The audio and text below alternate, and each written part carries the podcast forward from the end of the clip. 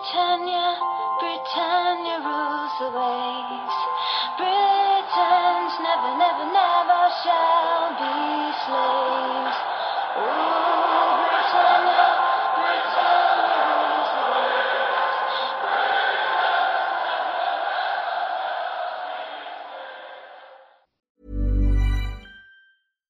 Sandra, and I'm just the professional your small business was looking for. But you didn't hire me because you didn't use LinkedIn jobs. LinkedIn has professionals you can't find anywhere else, including those who aren't actively looking for a new job but might be open to the perfect role, like me. In a given month, over 70% of LinkedIn users don't visit other leading job sites. So if you're not looking on LinkedIn, you'll miss out on great candidates like Sandra. Start hiring professionals like a professional. Post your free job on linkedin.com/people today.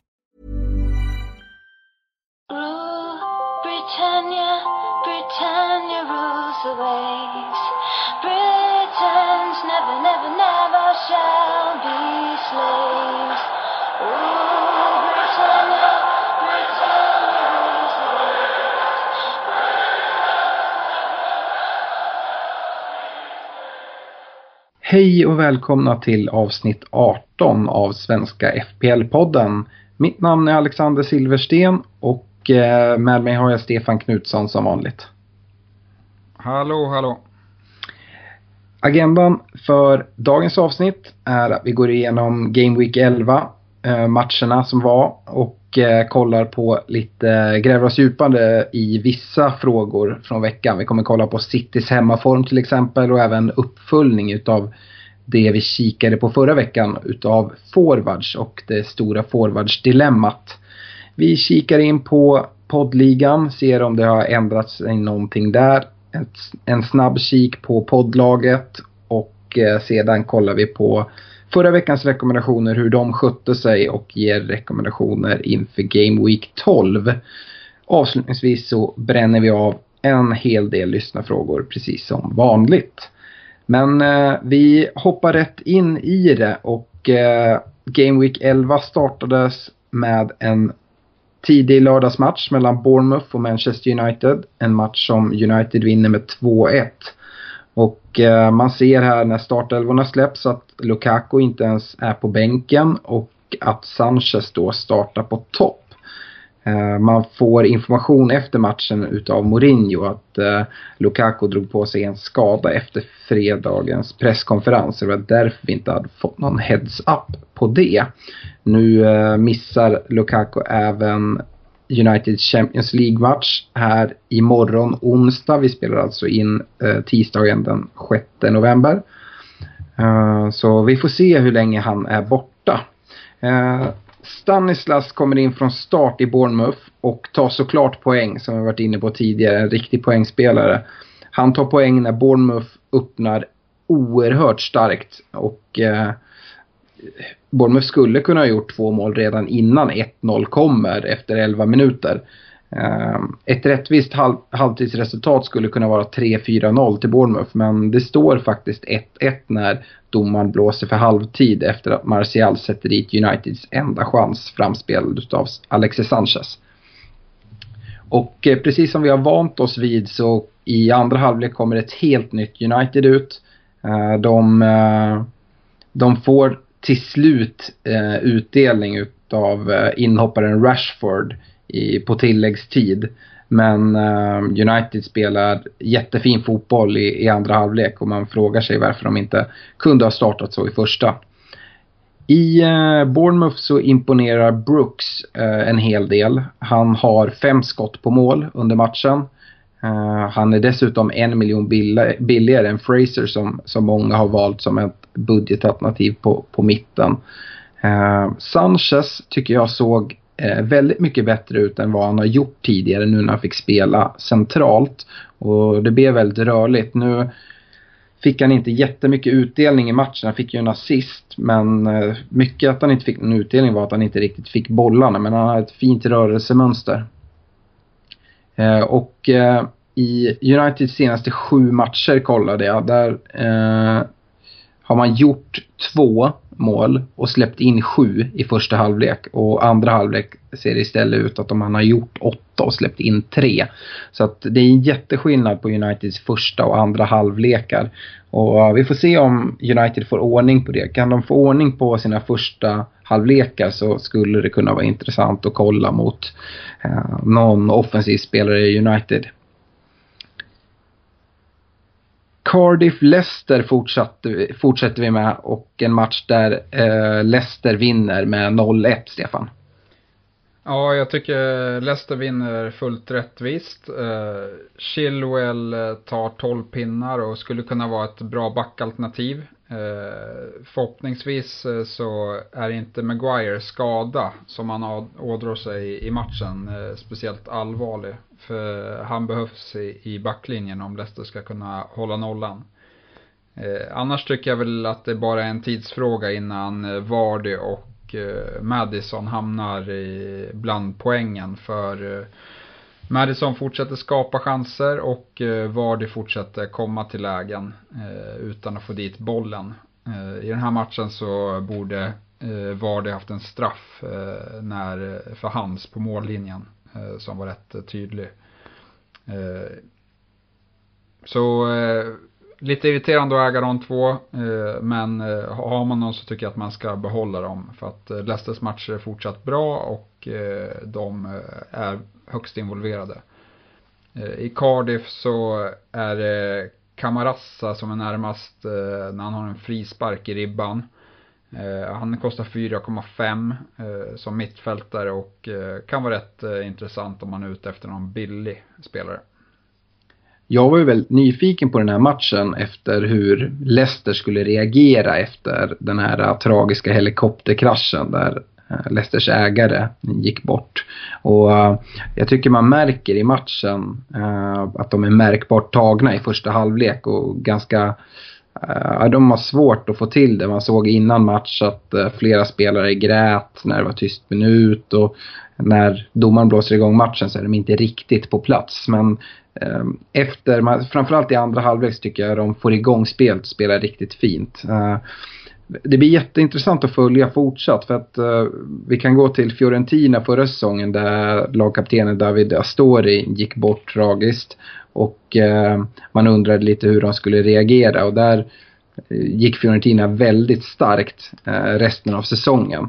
Så att ja, antingen kan det bli så att man eh, samlar ihop sig och presterar väldigt bra alternativt att man bryter ihop lite och eh, har en tuff period direkt efter. Men jag tror att Leicester kommer komma starka ur det här de kommande matcherna i alla fall.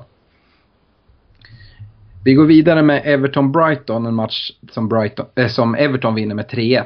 Och eh, Sigurdsson han fortsätter att hota offensivt men idag är det Richarlison som sticker ut poängmässigt med sina två mål. Och eh, Richarlison fortsätter spela på topp men det jag har varit inne på tidigare är att han ofta har kommit med ryggen mot mål Eh, Eh, där blir det mycket bättre. Båda målen som han gör är via kontring då han får komma med fart. Och fart är verkligen nyckelordet här. Det är hans styrka. Andra målet gör han till och med tjockisfinten på backen. Han petar ena sidan, sticker andra. Eh, och sen så fortsätter han bara mot målvakten. Springer bara förbi Ryan och rullar in bollen i öppen kasse. Så att så länge Richarlison får komma med fart och det var det här som, som Silva var inne på att vi måste ge Richarlison tid att spela in, in sig som nia. Att han får vänja sig att eh, komma rätt till situationer och sånt. Och, eh, förhoppningsvis så kan det här eh, bara bygga på hans självförtroende. Everton fortsätter dock släppa in mål på fasta situation när Dunk gör mål efter en hörna. Eh, men jag tycker Everton ser väldigt fina ut och då framförallt offensivt kollar jag på Everton. Jag tror att eh, Everton kommer vara ett lag som kommer kunna ställa till det för väldigt många och de kommer nog ligga där precis bakom topp 6 eller till och med kanske kunna slå, in, slå sig in om det är något topp 6-lag som inte levererar och eh, är, är i topp. Newcastle Watford 1-0 till Newcastle, en efterlängtad seger. Ja, Newcastle krigar till sig sin eh, första seger på säsongen. Eh, men ska man vara helt ärlig så var det inte helt rättvist och Watford skapade en hel del bra lägen och borde verkligen ha gjort mål. Eh, jag tycker noterbart är att Success, som får fortsatt förtroende från start, får mer speltid än Delofeo, som också spelar forward just nu. Eh, och det här är ju ett läge när Watford jagar matchen.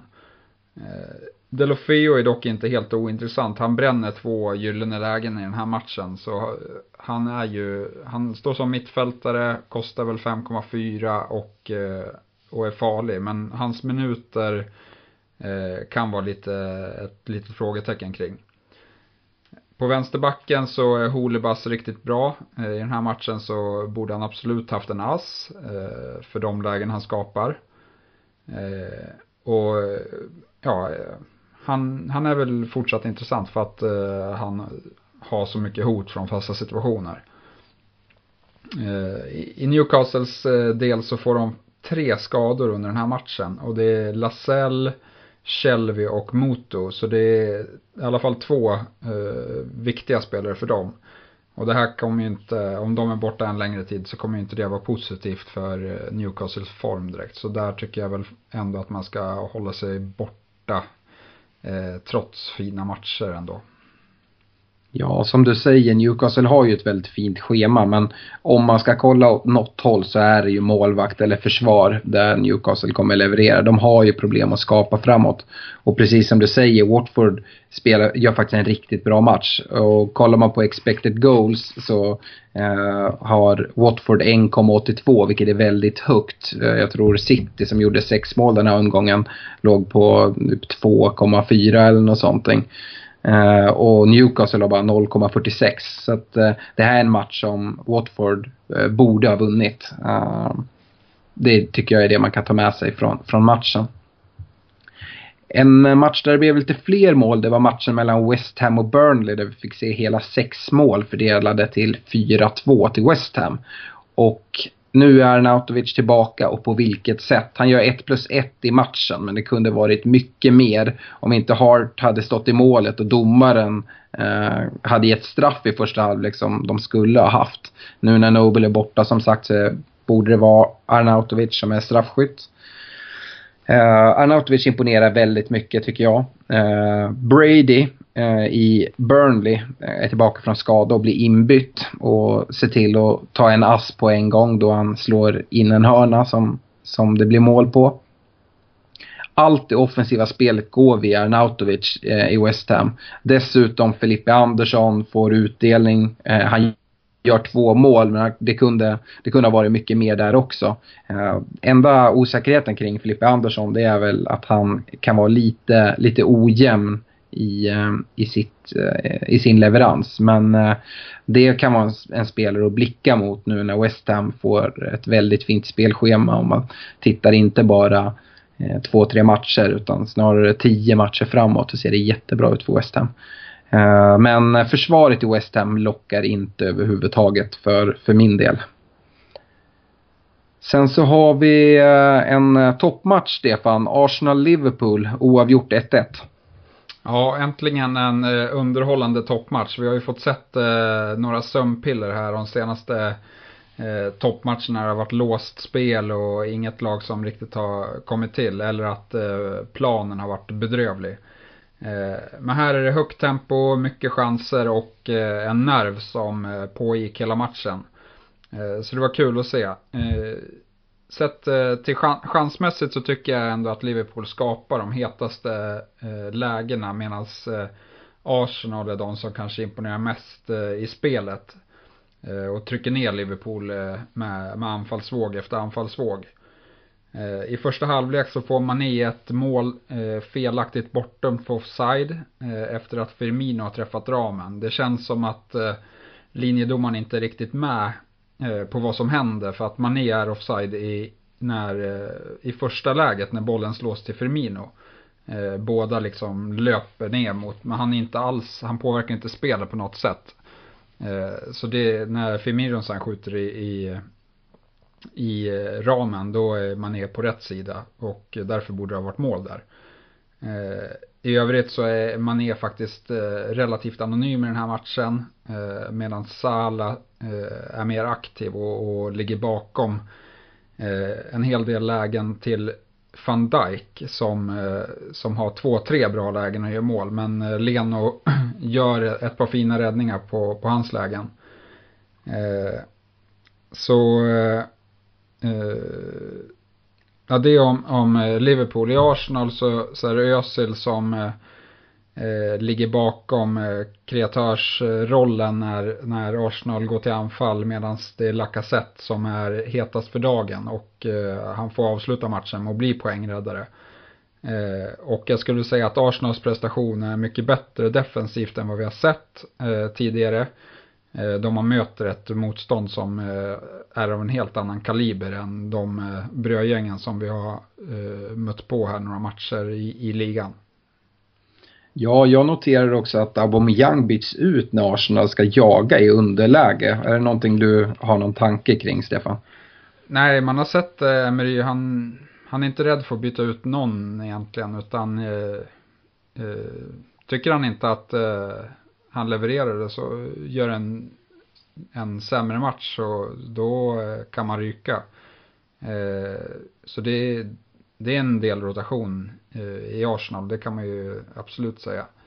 Eh, jag tycker väl att eh, vi får väl följa här lite om Arsenal kan, eh, kan spela lite bättre defensivt även mot när de möter sämre lag. För då, då kan eh, deras ytterbackar bli intressanta. För att till exempel Bellerin vet vi är väldigt, väldigt offensiv under Emery.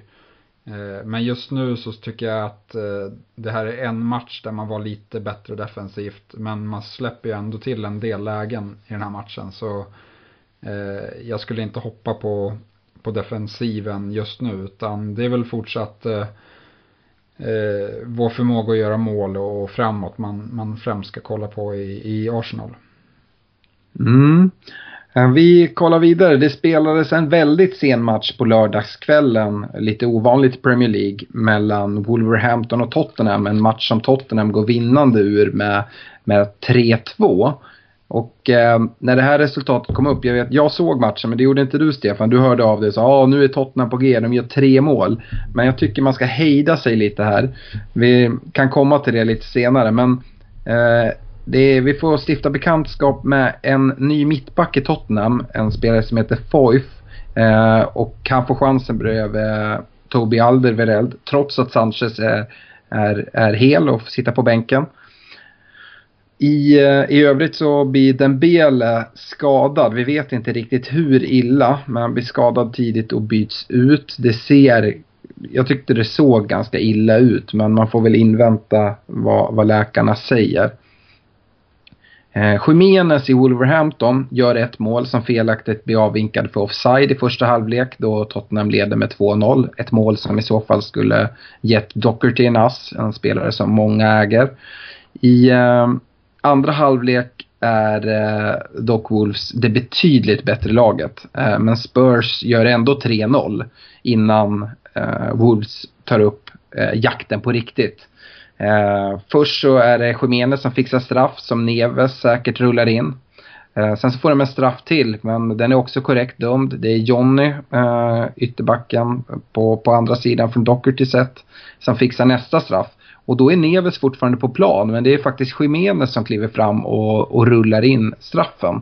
Så jag vet inte riktigt vad det beror på men det gör ju att Jiménez aktier blir, blir starkare skulle jag säga.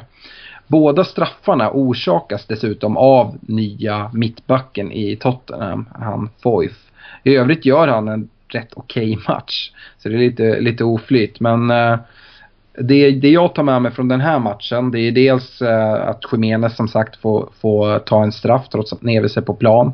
Och sen så ett enormt fint inhopp på centralt mitt, mittfält för Wolverhampton från en 18-åring som heter Morgan Gibbs White.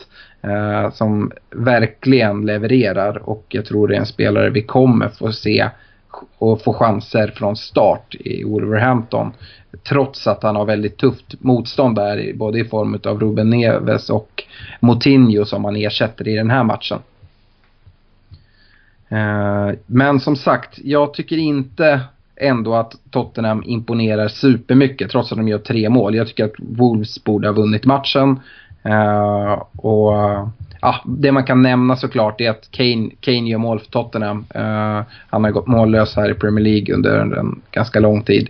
Men han, han gör mål eh, och dessutom att Lamela ser väldigt fin ut. Om vi går till söndagens matcher så spelade Manchester City mot Southampton i en målrik match som slutade 6-1 till City.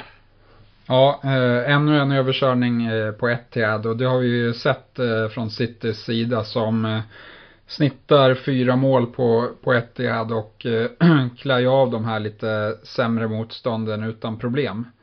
Eh, extra kul i den här matchen har Aguero och framförallt Sterling med 2 plus 2. Medan eh, de som sitter och äger Mares grämer sig lite då han får nöta bänk i den här matchen.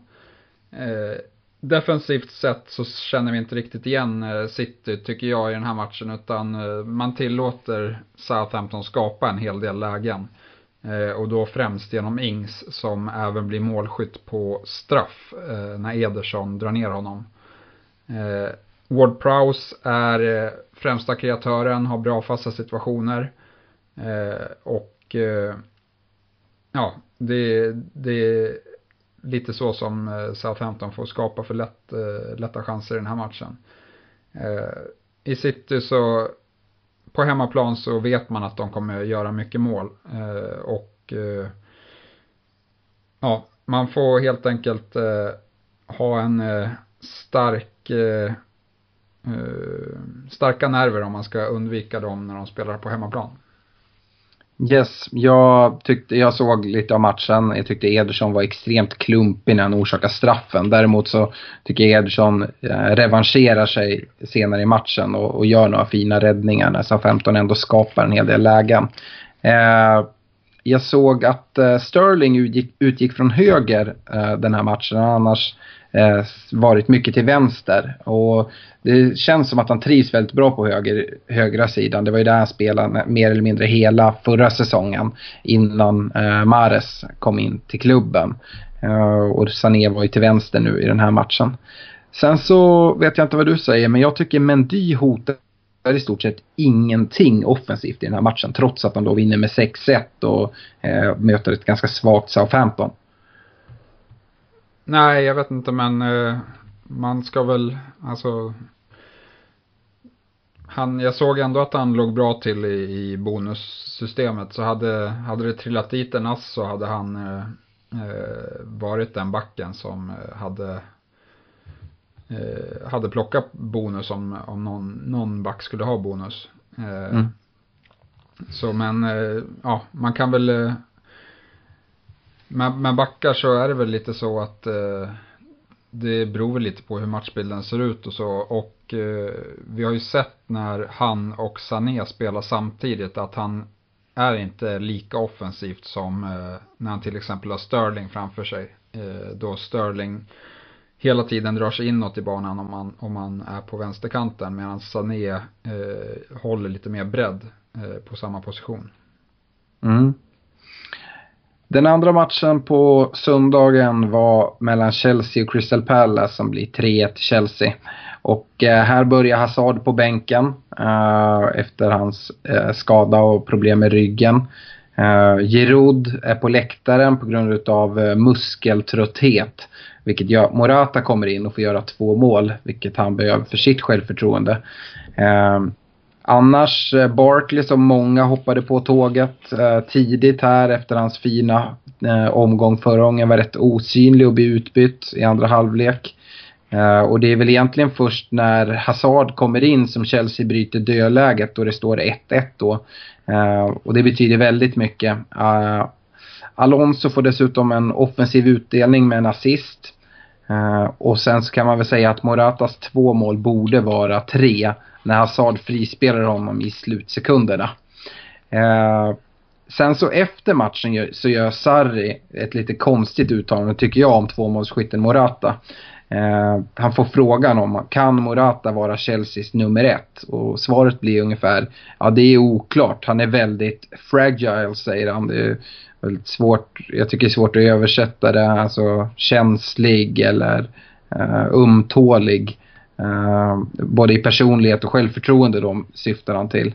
Så att, uh, ja, jag, tycker att om Sarri nu verkligen vill satsa på honom så borde han snarare försöka bygga upp Morata här och prata gott om honom. Det var lite märkligt och det gör att jag uh, är lite orolig över hur Moratas status är för Sarri. Eh, annars så gör Pedro det jävligt bra i matchen. Eh, jag har ju sagt det sen eh, innan säsongen började att Pedro borde vara en spelare som Sarri gillar väldigt mycket. Han gör eh, 1 plus 1 i den här matchen men framförallt så kommer han eh, fortsätta ge en enorm arbetskapacitet och många osjälviska löpningar han kommer att stjäla speltid från William tror jag. Eh, och det är lite tråkigt för William som ändå tycker jag har gjort det väldigt bra. Men det är svårt där att se vem, vem man ska satsa på. Ett alternativ skulle ju kunna vara att han skickar upp Hazard på, som eh, falsk nia. Eh, problemet är väl då att det blir ungefär samma som i Everton. Att jag är inte säker att det kommer vara till nytta för Hazard. Eh, att kanske börja spela mer med ryggen mot målet och sådär. Men vi får se vad som händer här, här framåt. Jag tror att eh, jag tror gärna att Sarri skulle spela med både, både William och Pedro och Hazard. Eh, men ja, vi får se helt enkelt. Eh, måndagens match mellan Huddersfield och Fulham slutar 1-0 till Huddersfield. Ja, och det är, en, det är väl en välförtjänt seger. Eh, framförallt så tycker jag väl att eh, Fulham eh, är helt under isen. Huddersfield är närmare 2-0 än vad Fulham är att göra mål i den här matchen. Så ja, ingen bättring i Fulham. De, de hade ändå tillbaka Tom Kearney här så det fanns ju lite förhoppningar på förhand att de skulle kunna spela bättre men deras självförtroende verkar ju vara helt kört i botten och eh, när man förlorar mot, eh, mot Huddersfield och, och utan att ens vara nära att göra mål då, då har man problem och då, då är man rätt illa ute. Jag vet inte om eh, hur länge Jokanovic eh, kommer få fortsatt förtroende här för att eh, som jag ser det så kommer de bara fortsätta förlora eh, matcher nu framöver. Mm, och det är väl Mitrovic där som folk sitter och klurar lite på vad man ska göra av den, den karn om Fulham inte levererar framåt. Ja, nu har, de, nu har de ändå lite tuffare matcher och han står på fyra gula kort. Eh, så eh, nej, där så jag skulle vara lite orolig om jag satt på honom. Yes. Det var Game Week 11s matcher. Eh, om vi kollar noterbart från veckan så sa vi det, vi skulle prata Citys hemmaform. Vi har varit inne på det lite grann. De har gjort 24 mål på 6 matcher vilket ger 4 mål i snitt och de har i snitt släppt in då 3 mål vilket är ett halvt mål per match. Eh, en väldigt fin resultatrad men det, det man ändå ska ha med sig är, självklart är det imponerande att snitta 4 mot 0,5 men lagen de har mött är alltså Huddersfield, Newcastle, Fulham, Brighton, Burnley och Southampton. Så att det får man ha med sig. Men oavsett motstånd så att eh, som i den här matchen göra sex mål, det, det gör man inte. Och, eh, du var inne på det när vi pratade City lite grann Stefan. Det, det är väldigt tufft om man sitter utan offensivt Eh, offensiv styrka i City, något som man kanske kan lockas av på grund utav rotation och Agüeros tidiga eh, liksom, avtagande från plan.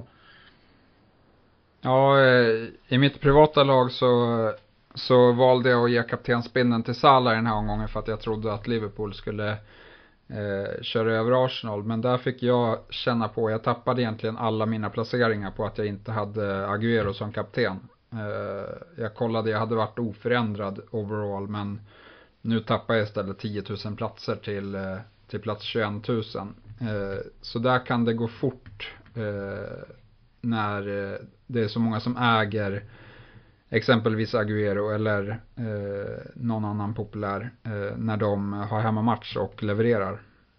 Ja, både du och jag hade ju en enorm olycka där.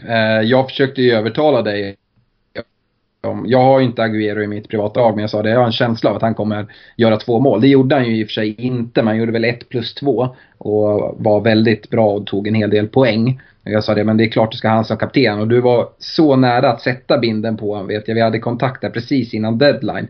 Och jag hade å andra sidan då satt min och gjort en liten chansning och satt binden på, på Mendy. Och du sa det, men sätt den inte på Mendy. Du har ju Sterling, sätt den på honom. Och så fick jag någon så här tanke precis som du hade där. Att, ja, men jag, sätter, jag sätter på Sterling i alla fall. Så jag hade faktiskt binden på Sterling 30 sekunder innan eh, innan deadline. Men så nej jag ska gå på min egna känsla så, jag, så gick jag in och ändrade. Och ren oflytt, jag hade hoppats att eh, så här i efterhand att fantasy hade haft eh, så här överkapacitet så jag inte hade kommit in i tid. För att eh, ja, Sterlings 2 plus 2 hade inte varit helt dumt och det hade gjort min game week till något helt annat än vad den blev. Ja, det var surt. Vi får bättra oss där helt enkelt. Ja, eh, Yes, om vi kollar, eh, vi hade ju en genomgång på forwards förra veckan att det är svårt att hitta forwards som levererar. Nu så har vi ändå en del forwards som levererar den här omgången och jag tänkte att vi borde kunna följa upp lite på det. Vi nämnde ju det, ett av de bästa alternativen här framåt om man blickar framåt, det är ju Arnautovic. Han gör ju 1 plus 1 i den här matchen, borde kunna göra mer, han tar dessutom tre bonus det är väl fortfarande ett av de bästa anfallsalternativen som finns där just nu, eller vad säger du? Ja, jag skulle säga att eh, kollar man på deras matcher, eh, nu är det, eh, har de väl eh, hyfsat lätt i helgen här, sen ska de möta City, men eh, eh, efter den, efter City-matchen så ser det ju fantastiskt ut. Så man kanske kan eh, vara lite kylig på kort sikt eh, om man vill göra något annat byte innan, men, men sen ska man nog absolut kolla på att få in Arnautovic.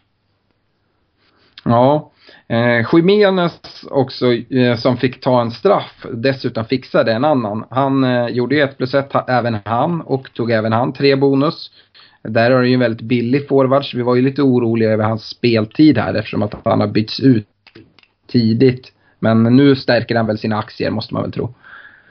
Ja absolut, det här var en eh, bekräftelse. Det var väl Mer på grund av att, eh, eller jag trodde i alla fall att eh, med det man hade sett tidiga utbyten när de jagar matcher och att det skulle finnas en risk för att hans plats var ifrågasatt. Men som sagt, 1 plus 1 här och eh, var bra i, i hela matchen vad jag har förstått så får man mm. faktiskt eh, omvärdera hur man ser på honom. Och eh, efter de har mött Arsenal här så har de fyra matcher de kommande fem som ser helt okej okay ut skulle jag säga. Mm. Eh, jag, jag, skrev även upp Kane här. Han gjorde ju första målet nu sedan Game Week 7 i Premier League. Eh, jag tycker ändå man kan ha lite bra Han är ju fortfarande för dyr, för dyr tycker jag. Men eh, Tottenham kommer ha ett riktigt fint spelschema här om några omgångar. Och man kan följa och se att han fortsätter följa upp den här insatsen med att leverera uh, ja, ett mål men kanske även flera mål i, i de här kommande matcherna. Då skulle han kunna bli intressant uh, Eh, som en lite differential faktiskt. Ehm, eller vad säger, vad säger du där? Tror du att det kan vara något eller är han bara för dyr helt enkelt?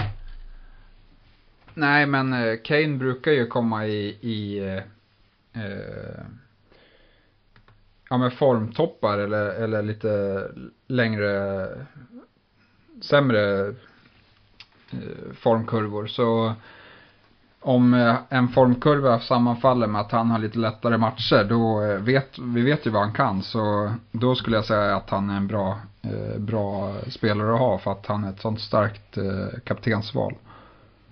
Mm. Eh, en spelare som du hörde av dig till mig och var lite intresserad av men som jag ändå pratade ner i den här genomgången det var ju Morata som gjorde två mål och då även tog tre bonus. Eh, du får gärna ge dina synpunkter på Morata efter att jag pratat ner honom.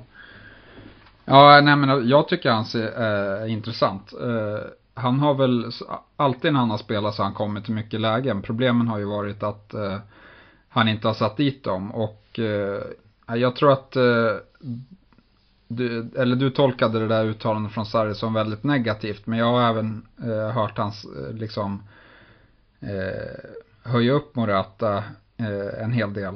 Eh, så jag tror att det kan vara lite som med Özil i Arsenal, att eh, försöka få honom att prestera bättre. Snarare än att man inte tror på honom. Eh, och eh, jag såg en intervju med Morata här nu, eh, bara i, i, när jag scrollade igenom en av mina fotbollsappar där han, Eh, där han eh, uttrycker att han, han har tänkt lite för mycket på eh, att han missar massa lägen och att det har blivit en negativ spiral som har gjort att han har missat ännu mer chanser utan han menar på att ja, han ska försöka att inte tänka så mycket när han, när han kommer till lägen utan bara eh, gå på lite mer på instinkt och på så sätt eh, förhoppningsvis få, få dit lite fler bollar.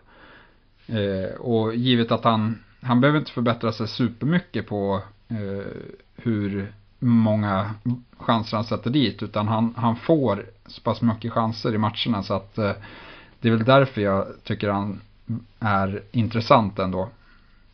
Ja, jag, jag kan känna så här, det, det du nämner nu att han behöver liksom vara mer eh, ordentlig när han får sina lägen. Jag vet inte om du såg matchen men i slutsekunderna så får han ju ett he, helt friläge från halva plan där han kommer fram.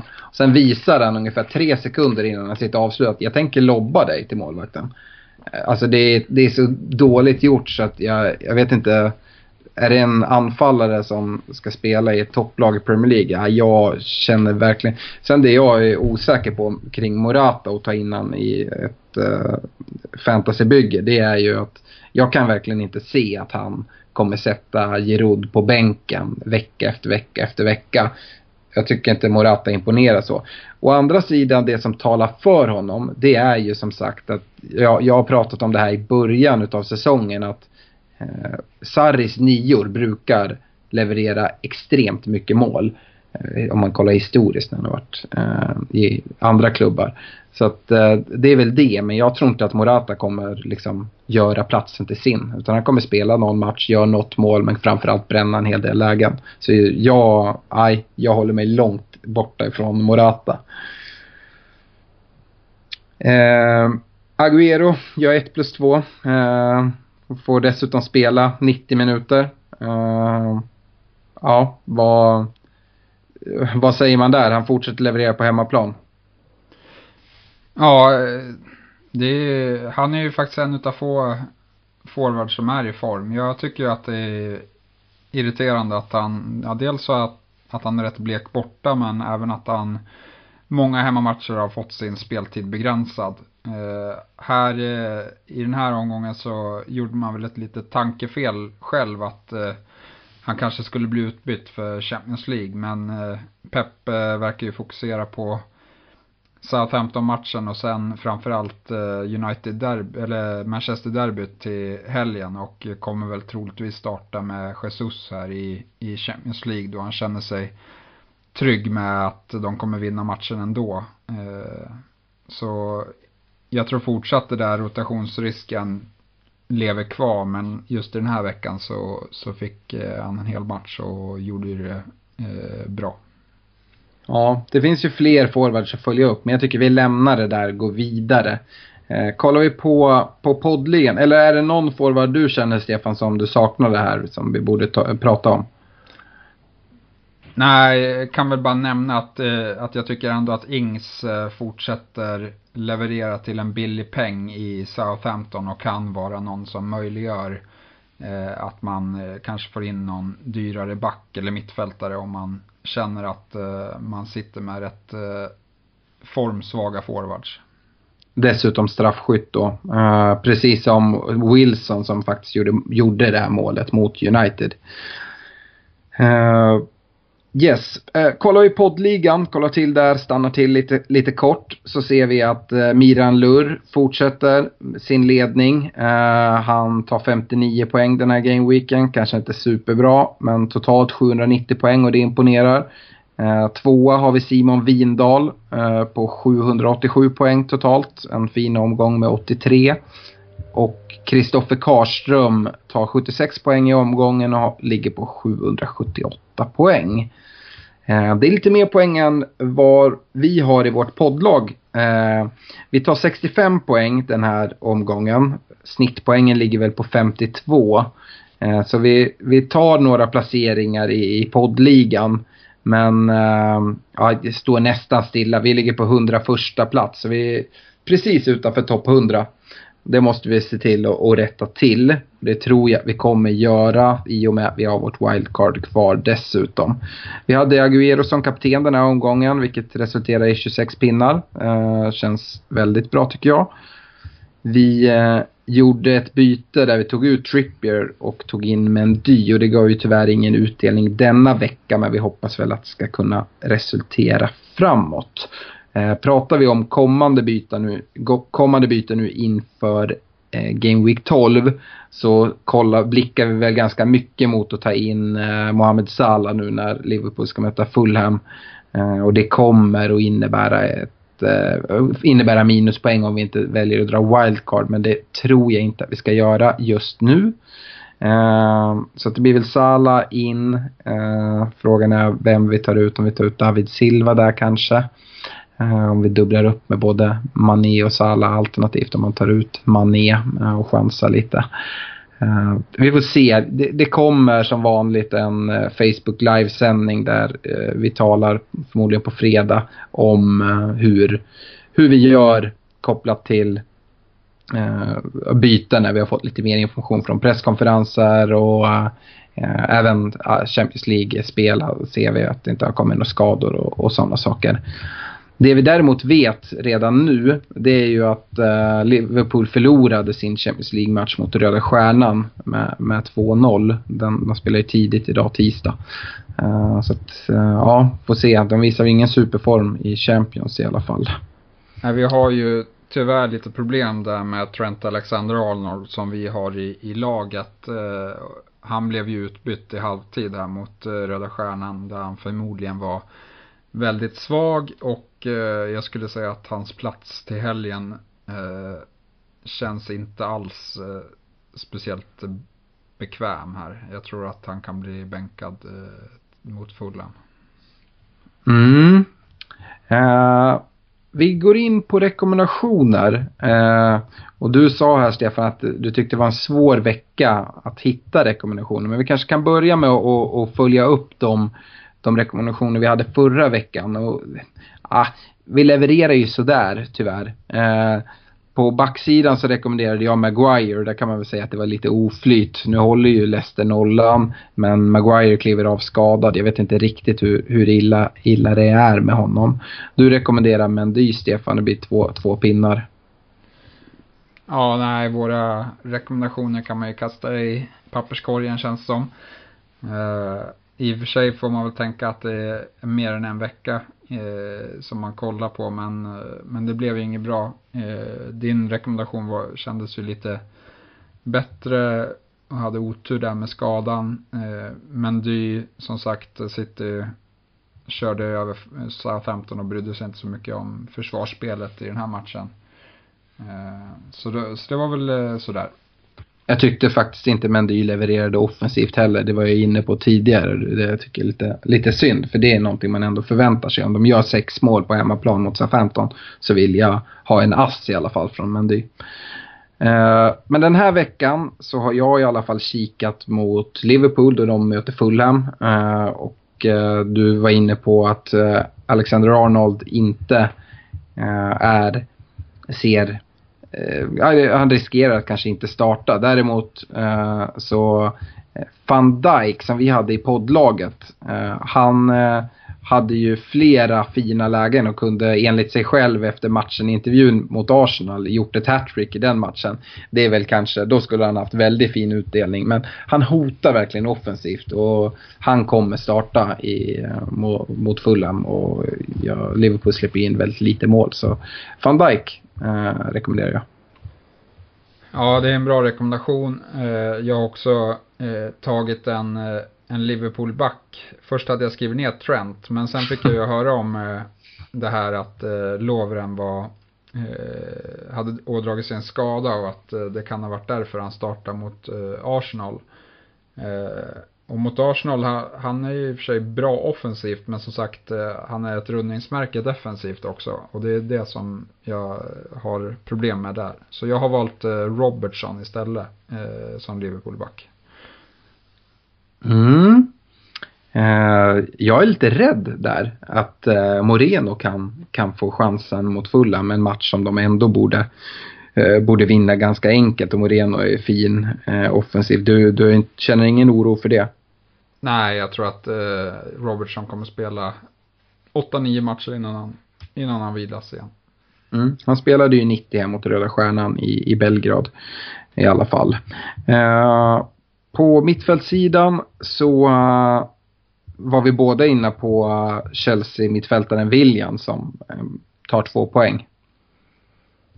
Ja, det var, det var ingen bra rek där heller. Eh, han, William är väl, han är väl ändå helt eh, okej okay, pigg i den, här, i den här matchen men, men får ingen utdelning och sen blir han väl utbytt eh, eh, tidigt när, när Hazard ska komma in.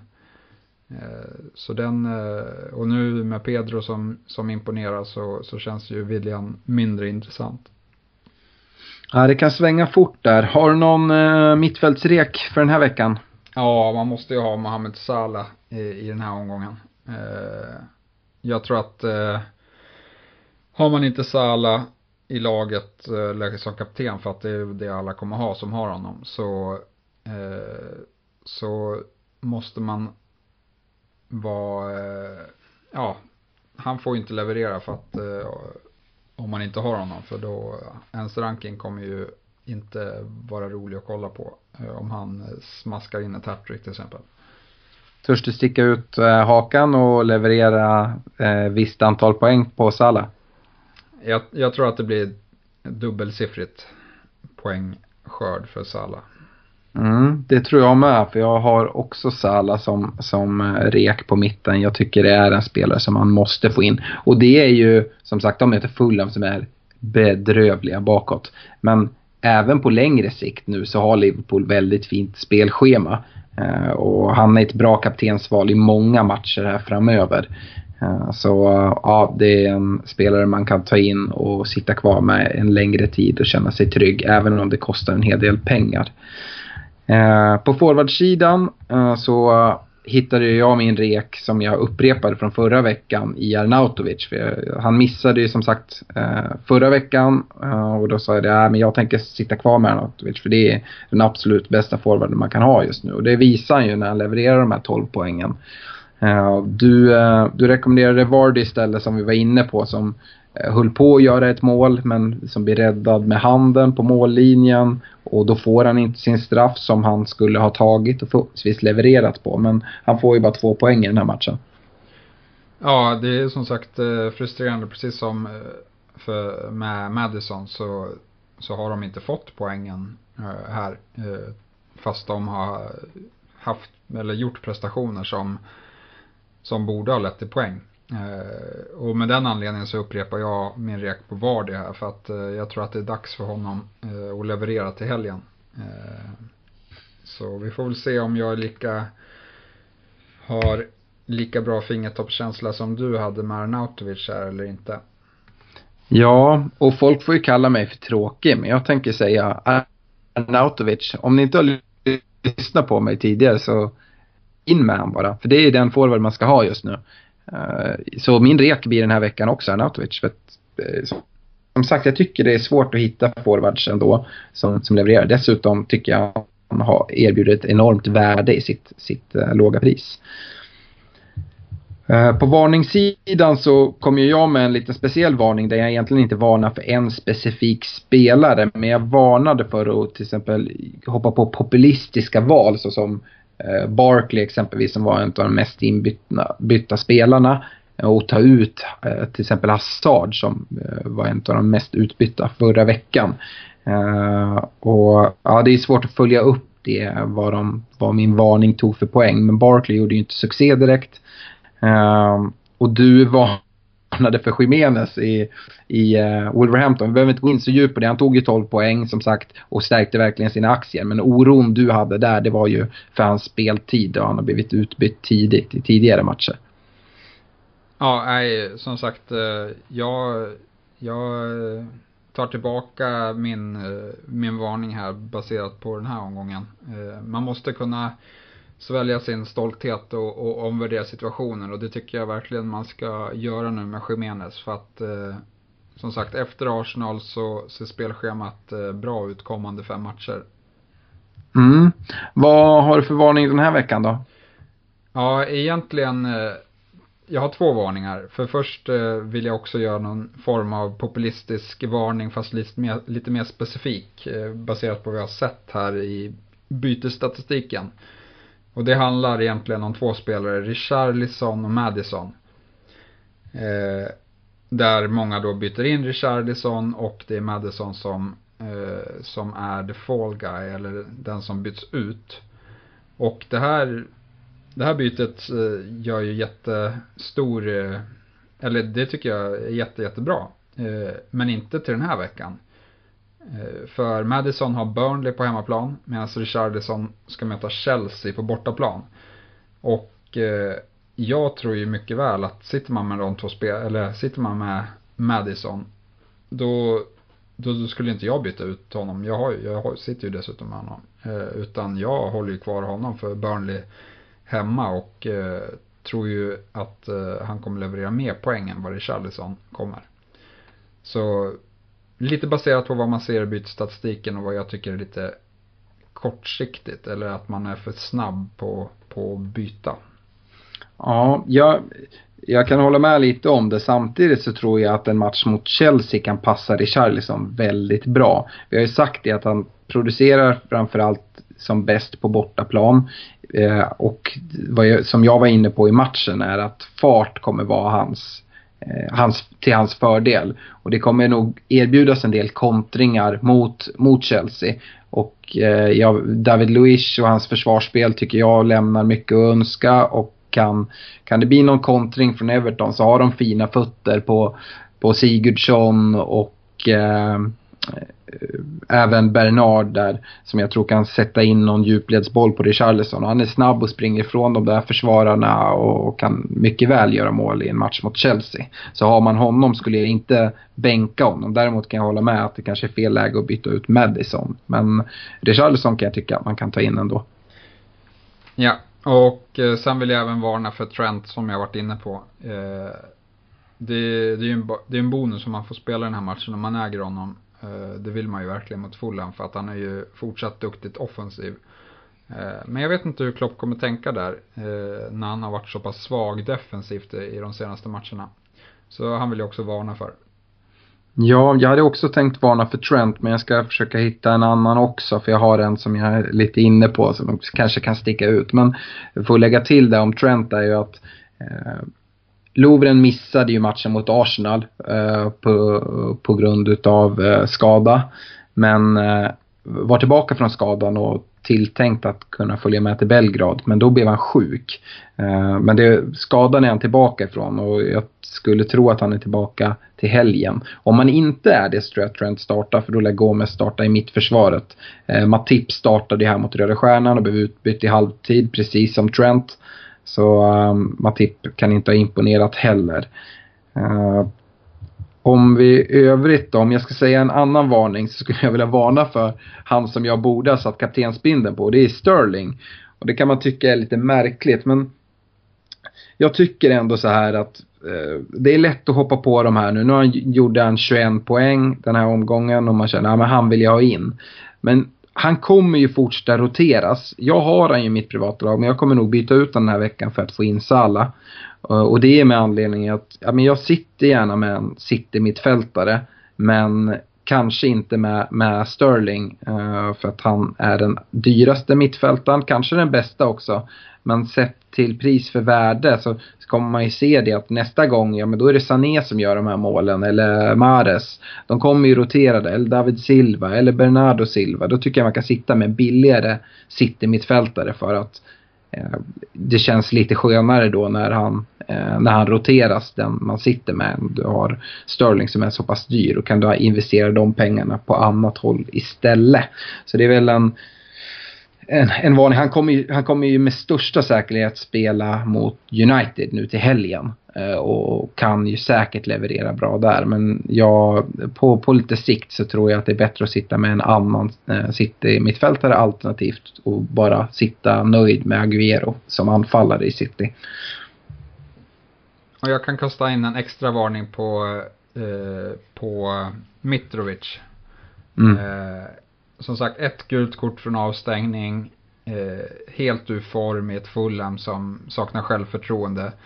Eh, Mitrovic vet vi också sedan hans tidigare karriär är rätt så hetlevrad. Så eh, fortsätter den här formkurvan peka rakt ner i källaren då kanske han eh, väljer att lacka ur här eh, och ta ett rött eh, till och med. Ja, det är en bra rek där skulle jag säga.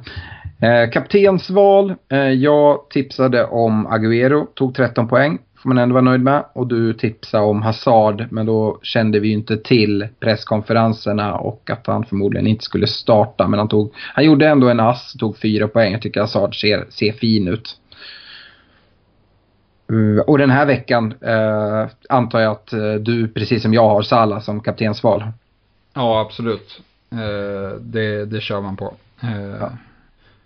Sen och man, jag tycker att, eh, jag tycker även att Hazard är ett bra kaptensval till helgen. Men, men som sagt, Fulham på hemmaplan, det blir inte mycket bättre än så. Så där måste man nästan köra med Salah. Om vi bara problematiserar lite, om man nu inte har Salah, skulle du säga att Mané ändå är, om du ställer Mané och Hazard mot varandra, vem skulle du välja då? Jag skulle ändå välja Hazard där. Eh, jag vet att du inte håller med, men, men eh, jag tycker Hazard ser eh, extremt fin ut och ligger ju som sagt bakom allt anfallsspel. Mané tycker jag är lite mer av en joker. Det kan bli jättebra mot fulla, men det kan även bli en tvåpoängare. Jag tycker att han är lite, lite av en joker och han, han poppar upp på ställen och gör något mål, men, men det finns liksom ingen jag har svårt att se någon eh, form av kontinuitet i hans eh, spel för tillfället i alla fall.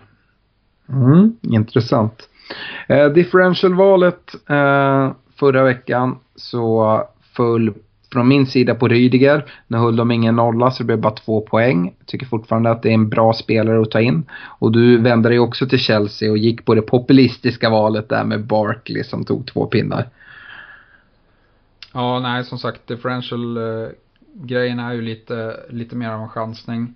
Vi får se med Barkley, det skulle kunna vara illa att eh, han inte får spela. Eh, jag kommer, jag har han i, i mitt privata att byta in honom mot, eh, mot Fraser då jag satt med både Fraser och Wilson och jag gillade inte det baserat på deras spelschema.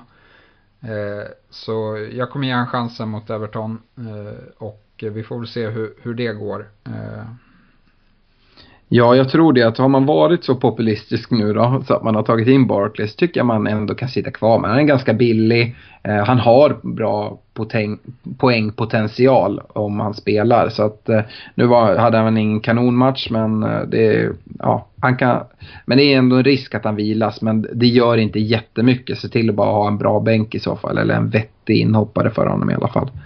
Den här veckan har jag vänt mig till, till Leicester och till Chilwell som hade en väldigt fin match. Han ägs ju bara av 1,3 procent och eh, Leicester har fina matcher. Han erbjuder potential på eh, offensivt med framförallt assist. Eh, men jag hoppas på en del nollor från Leicester-håll också. Ja, men det är ändå en bra differential. Jag hade han som back eh, med i min backrekommendationstanke där, men jag insåg att eh, man måste nog ha någon Liverpool-försvarare som man vet kommer spela, eller som man har stor förhoppning på kommer spela. Eh, min differential eh, har jag valt en till Chelsea-spelare och det är Morata. Eh, som sagt, jag, jag tror ju mer på honom än, äh, än vad du gör Alex. Mm. Men som sagt, eh, jag kollar ju framförallt, jag tror han kommer ju definitivt få starta efter eh, sin fina match senast med två mål eh, mot Everton. Men sen kollar jag framförallt mot veckan där de, där de möter Fulham och hoppas att han behåller sin plats och då tror jag att det kan mycket väl bli mål. Ja, den där håller jag faktiskt inte alls med om Stefan. Men vi ska inte tycka lika alltid heller. Så um, ja, vi får se. Vi får följa upp det här om, om någon vecka eh, och se, se vad, vem som har fått rätt om det är tydligt. Eh, om vi går vidare till lyssnarfrågorna då så har vi fått in en hel del den här veckan. Eh, vi vill bara hoppa in i det direkt. Alexander Myran skriver eh, en minuspoängsfråga. När dras minuspoängen? Säg att jag gör byten för minus 8 poäng. När försvinner dessa från mina? Ja, det, det tror jag sker vid första uppdateringen på Ja men säg att eh, det, det brukar ju vara en uppdatering per speldag. Så spelas matcherna på lördag och när de uppdaterar hela systemet då tror jag att eh, poängen dras från de poängen du har tjänat ihop där på lördagen. Ja, jag, jag, jag, jag, är inte heller helt säker på det här. Eh, men det man kan säga är att de dras ju för, från den omgången i alla fall. Så det är inget mot slutet av säsong att du blir av med massa poäng. Utan det är i den, den omgången. Sen exakt när de dras, det vet jag inte. Um, här är en fråga också från Chris Karlsson. Och den tror jag inte vi riktigt vet svaret själva på, Stefan. Eh, när planerar ni ta wildcard för poddlaget? Ja, vi har ju haft eh, långtgående diskussioner om den här frågan de senaste veckorna. Eh, och alltid kommit till samma slutsats att, äh, fan vi, vårt lag är inte så jävla dåligt. Vi behöver inte göra så många förändringar. Eh, men någon, någon dag så kommer väl bägaren rinna över och vi kommer dra det där wildcardet. Men eh, det skulle kunna vara en nu till helgen. Vi har väl inte riktigt bestämt oss men eh, just nu så tyck, så siktar vi väl ändå på att försöka hålla ut till Game Week 15-16 där någonstans när eh, många utav storlagens spelschema vänder till det bättre och då tänker jag framförallt på Arsenal, Tottenham och United som, som har fina matcher därifrån. Chelsea ska också nämnas.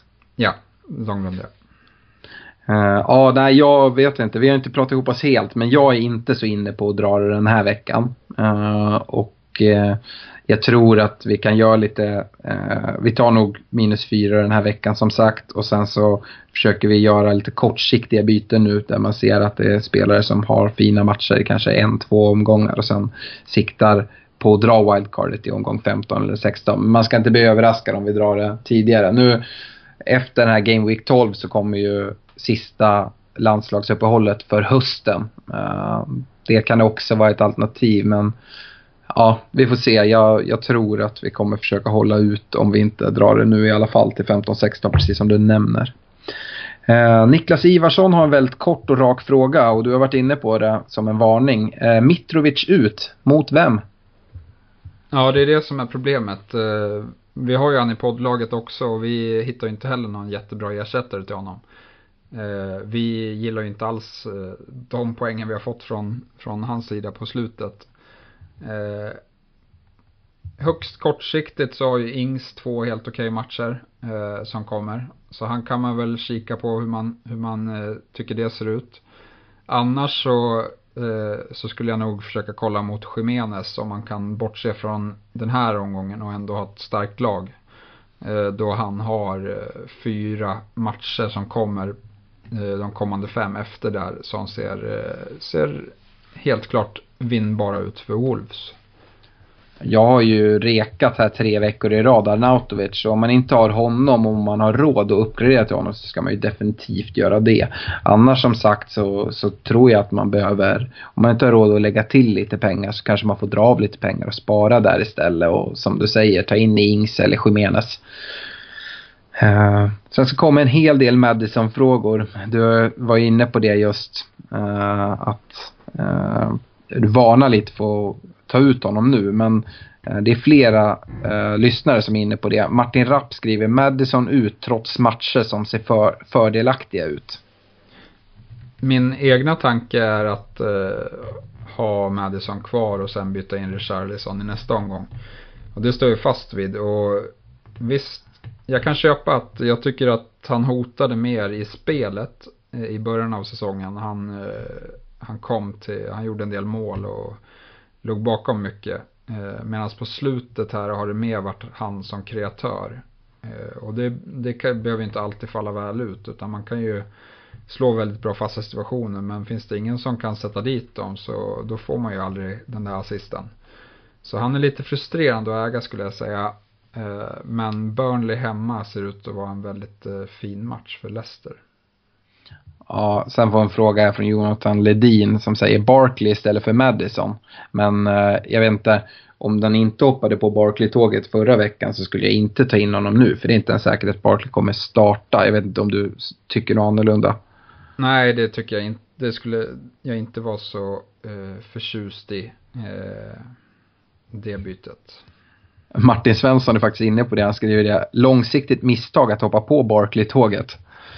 Ja, det, det, skulle det absolut kunna vara. Eh, eh, som jag ser det så hade jag väl, jag hade väldigt eh, få förhoppningar om, eller om att jag skulle spela Fraser någonting. Jag hade Wilson eh, i, i mitt lag. Eh, och därav bytte jag ut, eh, eller chansade på att byta in Barkley.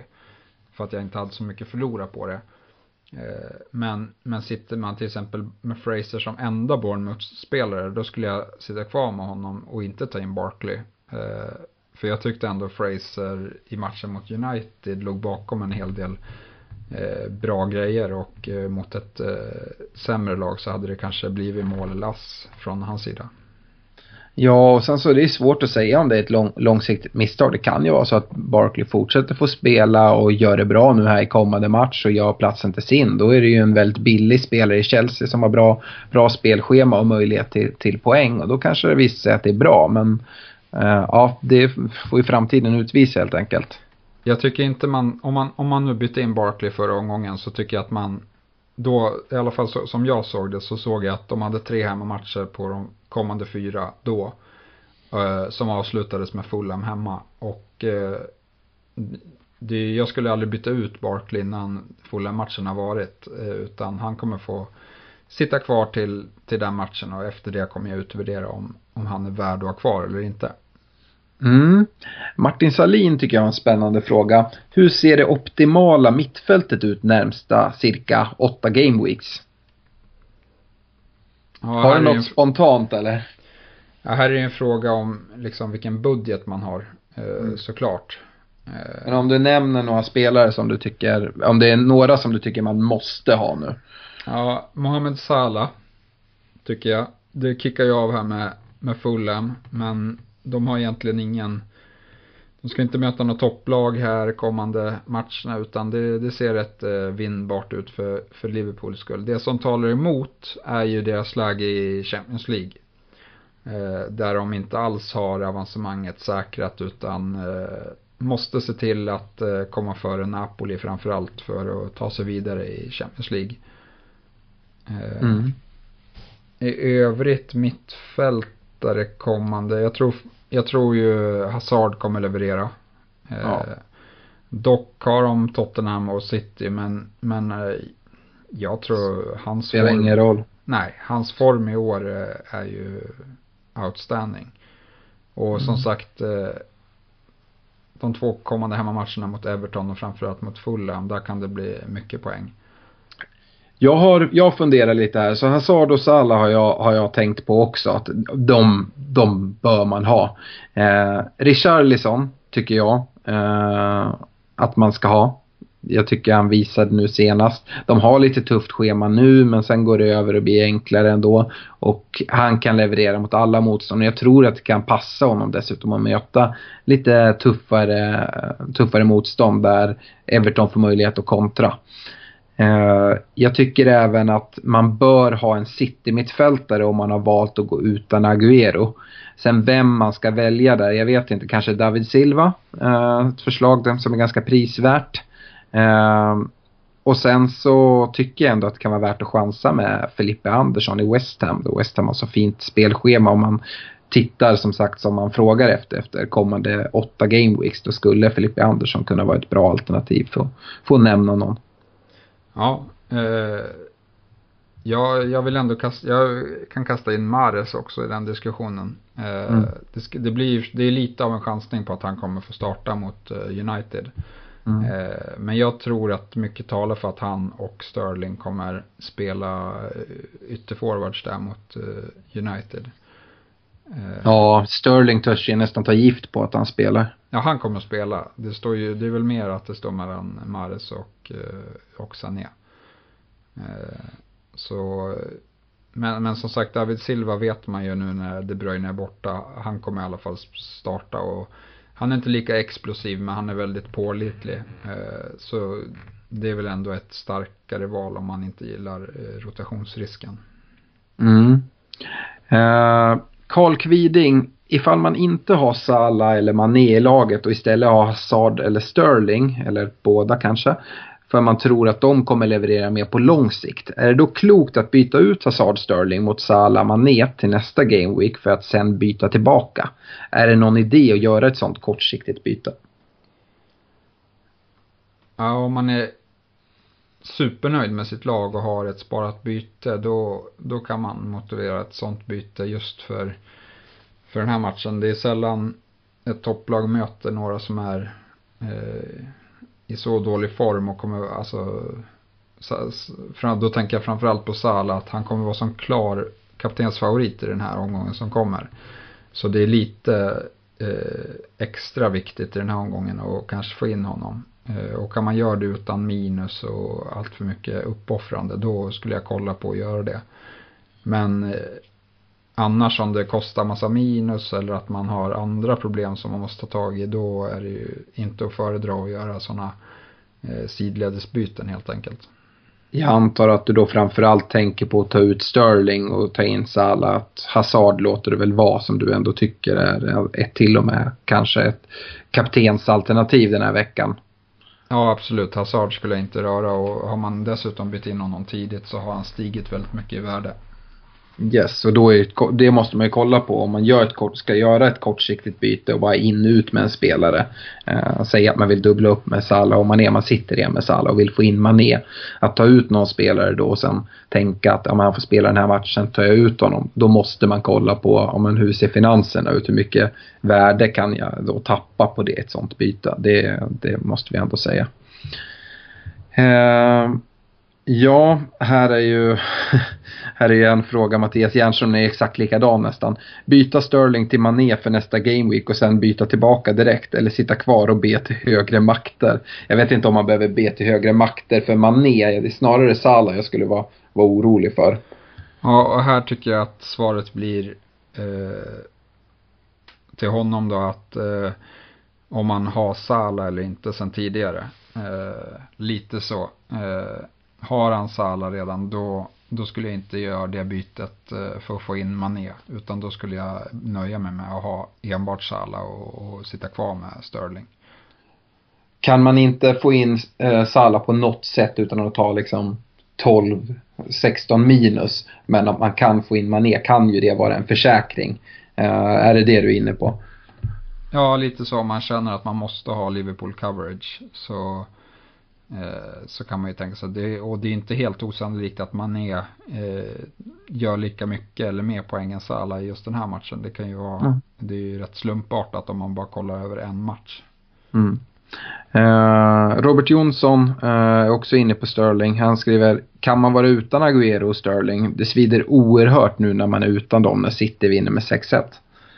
Ja, vi har ju varit inne på det att eh, deras hemmamatcher framförallt så, så måste man vara orolig. Eh, och jag tycker väl om man kollar på ligan som helhet så visst eh, imponerar Chelsea och Liverpool men, men inte på sa, i, till samma sätt som, som Manchester City gör. Ja, De, de känns kompletta och jag, jag rankar ju dem som favoriter till att, att försvara eh, Premier League-titeln baserat på det man har sett eh, hittills. Och då, då får man ändå Absolut. väga in att eh, deras kanske bästa spelare från i fjol eh, i Kevin De Bruyne har ju knappt eh, varit med här och bidragit någonting.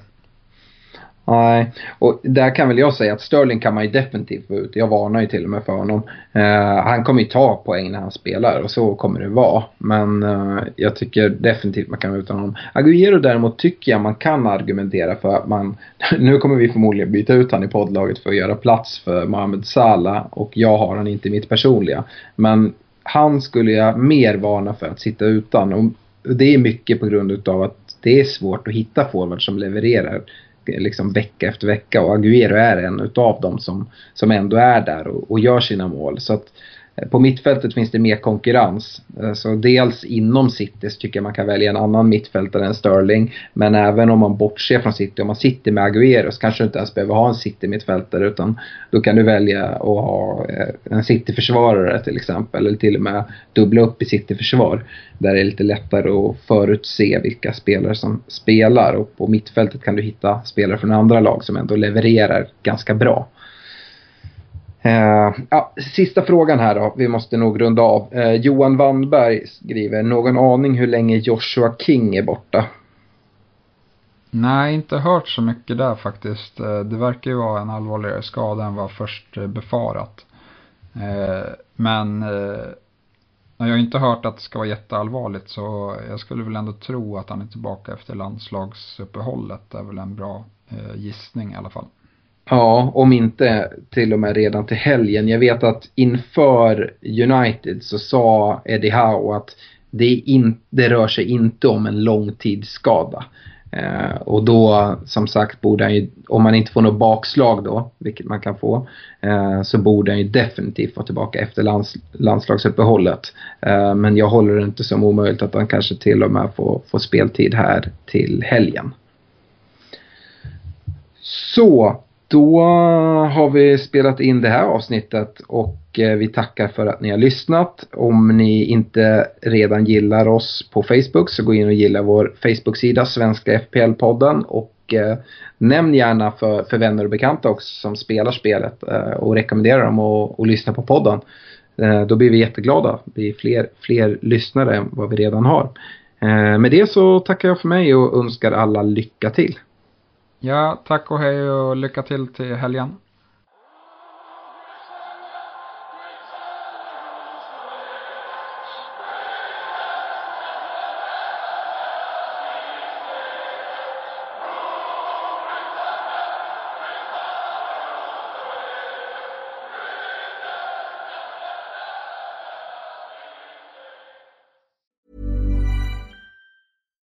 Deserves the best, and there's no better place to shop for Mother's Day than Whole Foods Market. They're your destination for unbeatable savings, from premium gifts to show-stopping flowers and irresistible desserts. Start by saving 33% with Prime on all body care and candles. Then get a 15-stem bunch of tulips for just $9.99 each with Prime. Round out Mom's menu with festive rosé, irresistible berry chantilly cake, and more special treats. Come celebrate Mother's Day at Whole Foods Market.